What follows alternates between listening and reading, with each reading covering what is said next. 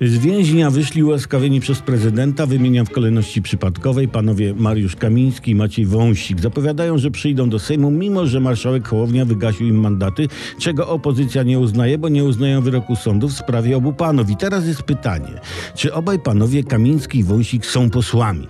To zależy jak na to spojrzeć. Jak tu, to tak. Jak tam, to nie.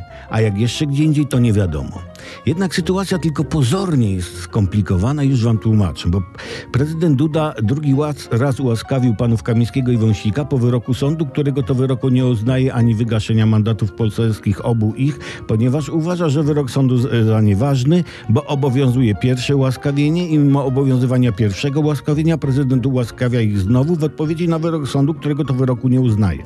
Czyli najpierw prezydent ułaskawił nieskazanych, następnie nie ułaskawił skazanych, by za chwilę ułaskawić już ułaskawionych.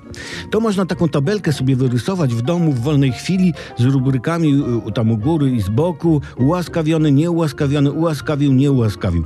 Pan prezydent wyczerpał wszystkie możliwe permutacje danej sytuacji. Sukces. Mówiło się dawniej, że socjalizm, że politycy wtedy rozwiązywali problemy, które sami stworzyli. A teraz stwarzają problemy, ale ich nie rozwiązują, tylko usiłując je rozwiązać, stwarzają nowe. Jak z tego wyjść? No nie da się, nie da się. Jak to mówią, złapał Turek Tatarzyna, a Tatarzyn za łeb trzyma, albo inaczej, złapał Tusk Kaczyńskiego, a Kaczyński trzyma jego. Osobiście przewiduję, że będzie ciekawie, choć nieinteresująco.